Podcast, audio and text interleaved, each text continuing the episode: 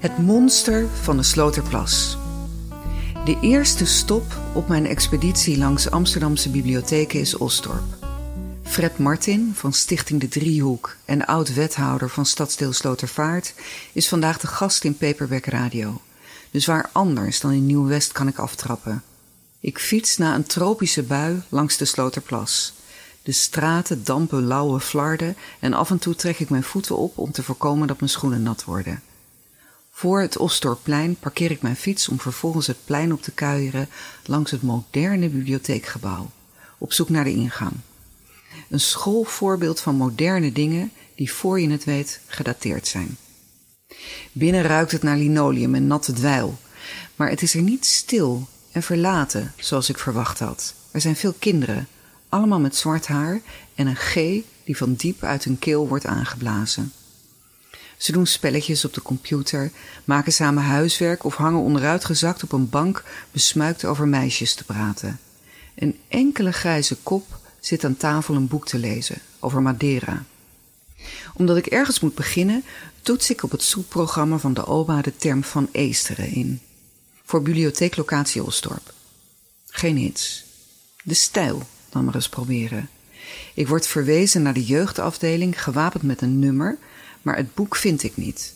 Architectuur dan? Plan West? Algemeen uitbreidingsplan? Geen resultaat. Op mijn telefoon google ik Fred Martin. Bingo. Het monster van de Sloterplas.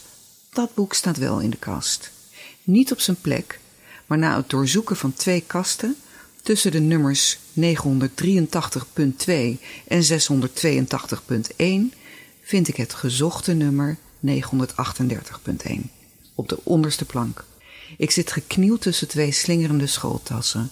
Hun baasjes doen onderzoek naar de consumptie van fastfood bij scholieren van verschillende onderwijsniveaus. Ondertussen klagen ze over honger. Ik denk niet dat ze zich realiseerden dat de deadline voor hun profielwerkstuk samen zou vallen met het einde van de Ramadan, toen ze hun onderwerp kozen. Ik pak het boek en ga aan tafel zitten. Ik lees over de ambachtsheerlijkheid die later Nieuw-West zal worden, over de zogenaamde waterwolf, een metafoor voor het proces van afkalving, die de heerlijkheid bedreigde en langzaam het land verzwolg. De enige manier om hem het zwijgen op te leggen was het droogleggen van de Haarlemmermeer. Jaren later meldt zich een nieuw roofdier, bevolkingsgroei. Om de polder geschikt te maken voor woningbouw moet er worden opgehoogd en het zand uit de tomeloze diepte die nu de Sloterplas is, vormt de basis van het algemeen uitbreidingsplan en de al dus ontstaande groeven laat zich als een dorstig dier vollopen met regenwater. Het boek sluit af met vertellingen over een monster dat kort na het ontstaan zijn intrek neemt in die plas. Ik laat me meeslepen door een jongetje dat met zijn vader in vervoering over het ijs van de plas zwiert, wanneer er plots gekraak en gedonder losbarst, Onder hen doemt een immense zwarte schaduw op en mensen vluchten in paniek van het ijs. Help, een monster! klinkt het achter me. En dan een hoop gegiegel.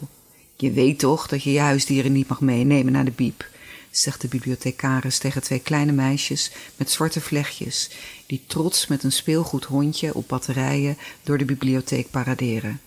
Zie ik jullie volgende week woensdag weer? Dan gaan we een heel leuk boek lezen. En jullie monster mag mee. Ik klap het boek dicht.